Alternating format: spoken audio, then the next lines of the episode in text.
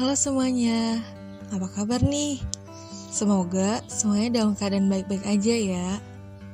Senang sekali kami dari kelompok 7 bisa menyapa kalian di Bincang Puisi. Sebelum mulai, mungkin kita perkenalkan diri dulu ya. Di sini ada saya, Aisyah, ditemani dengan kedua teman saya yaitu Marcella dan Isti. Mungkin Marcella dan Isti boleh menyapa teman-teman terlebih dahulu sebelum kita mulai. Halo semuanya. Halo semuanya. Sesuai dengan nama podcast kami hari ini, kami akan berbicara mengenai puisi karya seseorang penyair terkenal dari Indonesia yang karyanya sangat melegenda. Pasti udah pada tahu kan? Yap, benar sekali. Beliau adalah Khairil Anwar. Beliau juga tokoh sastrawan favorit saya nih. Buat yang belum tahu siapa beliau dan penasaran apa saja karya beliau, yuk ikut cari tahu. Hoiril Anwar adalah seorang penyair yang menjadi pelapor angkatan 45 dalam sastra Indonesia. Beliau tidak dapat dilepaskan dari puisi Indonesia modern dan karya beliau sangatlah melegenda. Bahkan, karya beliau telah banyak diterjemahkan ke dalam bahasa asing. Hoiril Anwar lahir di Medan, Sumatera Utara pada tanggal 26 Juli 1922. Ayah beliau merupakan seorang bupati Indragiri, Riau bernama Toeloes dan ibunya bernama Soleha.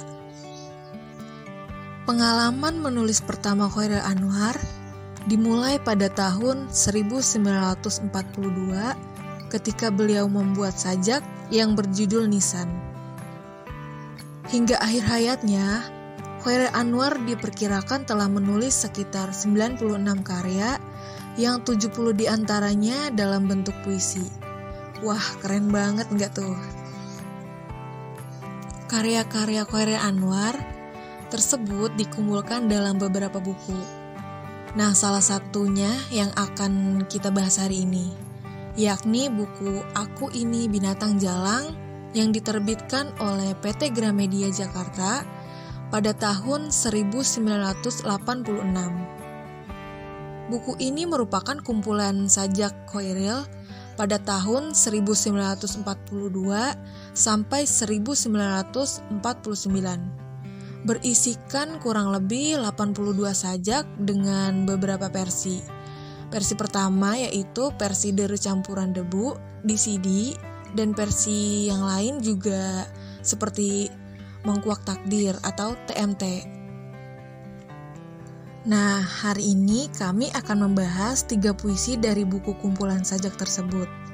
Yang pertama yaitu puisi tak sepadan. Yang kedua, puisi Cintaku Jauh di Pulau. Dan yang terakhir, puisi Senja di Pelabuhan Kecil.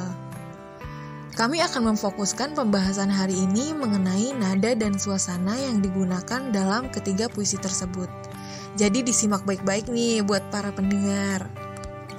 Oke, langsung saja kita masuk ke puisi yang pertama, yaitu puisi Tak Sepadan. Dibuat pada tahun 1943 bertemakan sosial karena menceritakan tentang Khairil Anwar yang menempatkan dirinya sebagai tokoh utama. Dalam puisi tersebut dipahami bahwa karakter aku sedang melalui penderitaan batin untuk ditinggalkan seseorang yang sangat dia cintai. Karakter aku putus asa mendapat masalah dalam urusan cinta. Sebelum membahas lebih jauh tentang puisi tersebut, mungkin saya akan membacakan puisinya terlebih dahulu kali ya. Oke, kita mulai saja. Tak sepadan. Aku kira beginilah nanti jadinya. Kau kawin, beranak dan berbahagia. Sedangkan aku mengembara serupa Averos. Dikutuk sumpai Eros. Aku merangkaki dinding buta. Tak satu juga pintu terbuka. Jadi, baik juga kita padami. unggunan api ini. Karena kau tidak akan apa-apa. Aku terpanggang tinggal rangka. Februari 1943. Nah, menurut kami, nada yang digunakan dalam puisi tak sepadan adalah nada ratapan. Sebab penyair begitu sedih dalam mengungkapkan bagaimana pengalamannya dalam kegagalan cinta. Puisi yang berjudul Tak Sepadan mencerminkan bagaimana merelakan dan mengikhlaskan semua yang telah terjadi. Hal ini disebabkan bahwa berpisahnya tokoh aku yang mencoba mencari pengganti dari kekasihnya yang telah berpisah. Selanjutnya mengenai suasana. Suasana yang tergambar ialah bahwa perasaan penyair sangat kuat dan sabar. Hal ini dirasakan setelah membaca puisi tersebut. Memberikan kesadaran bahwa membiarkan orang yang dicintai berbahagia dengan orang lain, meskipun itu sangat terluka untuk diri sendiri. Oke, selanjutnya kalau menurut Isti, nada dari suasana puisi Cintaku Jauh di Pulau gimana nih? Boleh dong kita sampaikan ke teman-teman. Boleh dong. Nah, bagaimana? Menarik bukan puisi mengenai tak sepadan? Eh, tapi puisi yang kedua tidak kalah menarik loh. Apa sih judulnya? Nah, judul puisi yang kedua yaitu Cintaku Jauh di Pulau yang ditulis pada tahun 1946. Puisi ini bertemakan kasih tak sampai Hal ini jelas terlihat pada syair di setiap baitnya yang bernada penyesalan dan pesimis. Penyair menuliskan kesedihan karena ajal terlalu cepat menjemputnya. Sebelum si aku lirik berhasil mendapatkan cintanya. Nah, langsung saja pasti kalian ingin mendengar mengenai puisinya kan? Baik, di sini saya akan membacakan mengenai puisinya. Cintaku jauh di pulau. Gadis manis sekarang iseng sendiri. Perahu melancar, bulan memancar, angin membantu laut terang, tapi terasa aku tidak akan sampai padanya.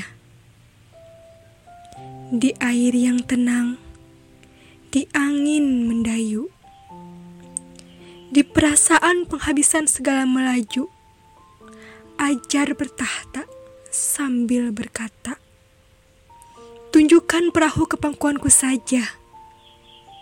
Amboy, jalan sudah bertahun ku tempuh. Perahu yang bersamakan merapuh. Mengapa ajal memanggilku dulu sebelum sempat berpeluk dengan cintaku? manisku jauh di pulau. Kalau ku mati, dia mati iseng sendiri. Kari Anwar 1946 Pasti kalian penasaran kan mengenai nada dan suasananya? Baik di sini, nada yang digunakan penyair dalam puisi tersebut adalah nada kegetiran dan kekhawatiran. Hal ini tampak dengan penggunaan kata yang mengandung huruf R di akhir kata yaitu melancar, memancar, pacar, akhir bunyi R menggambarkan suasana yang tidak nyaman. Sedangkan suasananya tergambar adalah suasana sedih dengan digunakannya bunyi akhir U pada kata rapuh, tempuh, akhir bunyi u yang berulang pada bait ketiga. Penggunaan nada u yang berulang menunjukkan kesedihan dan ketidaknyamanan. Itulah nada dan suasana dari puisi Cintaku Jauh di Pulau. Selanjutnya, ada puisi yang terakhir nih. Pasti kalian penasaran juga kan? Yuk mari kita dengarkan puisi yang terakhir mengenai senja di pelabuhan kecil. Silahkan Marcella. Oke, terima kasih Isti. Selanjutnya, kita akan memasuki pembahasan ke puisi yang terakhir, yakni puisi karya Hoiril Anwar yang berjudul Senja di Pelabuhan Kecil yang beliau tulis pada tahun 1946 di tahun yang sama dengan pembuatan puisi Cintaku Jauh di Pulau yang sebelumnya telah dibahas oleh Isti. Pada puisi kali ini um, memiliki makna yang cukup mendalam karena bertemakan mengenai kegagalan cinta, yaitu kedukaan mendalam aku lirik akibat cinta sang terkasih yang telah padam. Hal ini dapat dilihat dari isi puisinya diksi yang digunakan oleh penyair, dan makna mendalam dari puisi tersebut. Puisi ini ditujukan langsung oleh penyair untuk seorang wanita bernama Sriayati, sang terkasih yang telah mengkhianati penyair selaku aku lirik. Nah, sebelum masuk ke pembahasan nada dan suasana puisinya, ada baiknya kita dengerin dulu kali ya bagaimana isi dari puisi Senja di Pelabuhan Kecil ini sendiri. Senja di pelabuhan kecil. Buat Sri Ayati. Ini kali tidak ada yang mencari cinta. Di antara gudang, rumah tua, pada cerita. Tiang, serta temali.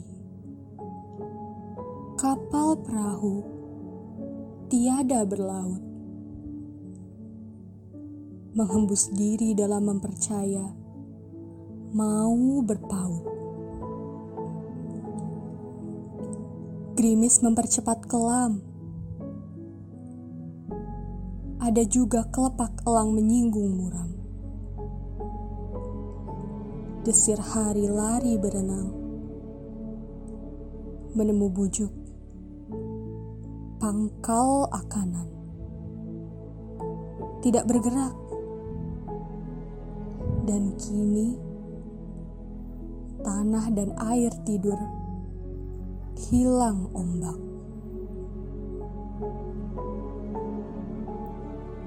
Tiada lagi. Aku sendiri. Berjalan menyisir semenanjung. Masih pengap harap. Sekali tiba di ujung dan sekalian selamat jalan dari pantai keempat. Seduh penghabisan bisa terdekat Hoiril Anwar 1946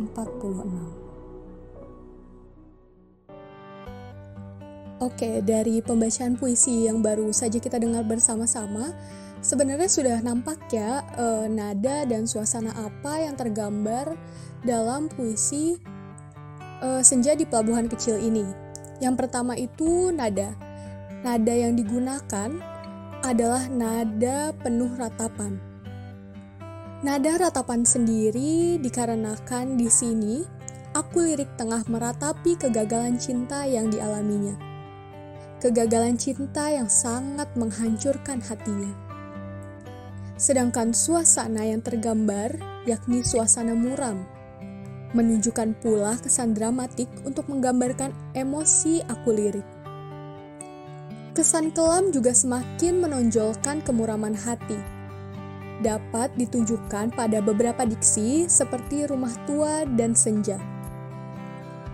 Untuk yang belum memahami, Kata rumah tua di sini dapat menggambarkan tokoh aku yang merasa sudah ditinggalkan dan sudah tidak dihargai lagi. Sedangkan pada kata senja, seperti yang kita tahu, senja merupakan saat datangnya gelap dan digambarkan seperti aku lirik yang merasa saat inilah masa gelap kehidupannya.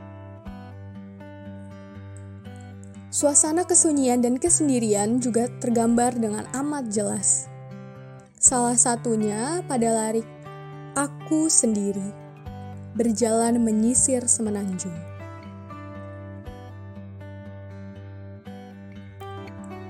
Wah, menarik sekali bukan pembahasan mengenai ketiga puisi Khairil Anwar tadi?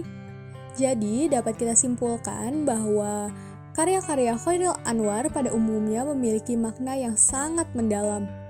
Makna ini tidak hanya tersampaikan melalui diksi yang digunakan, tetapi juga dengan nada yang digunakan pada saat pembacaan puisi. Nada-nada yang digunakan juga mendukung suasana yang dirasakan baik oleh pembaca ataupun pendengar. Apabila nada penuh dengan kesedihan atau kegetiran yang digunakan, maka pendengar pun akan merasakan kesedihan yang dirasakan oleh penyair atau pembaca puisi tersebut.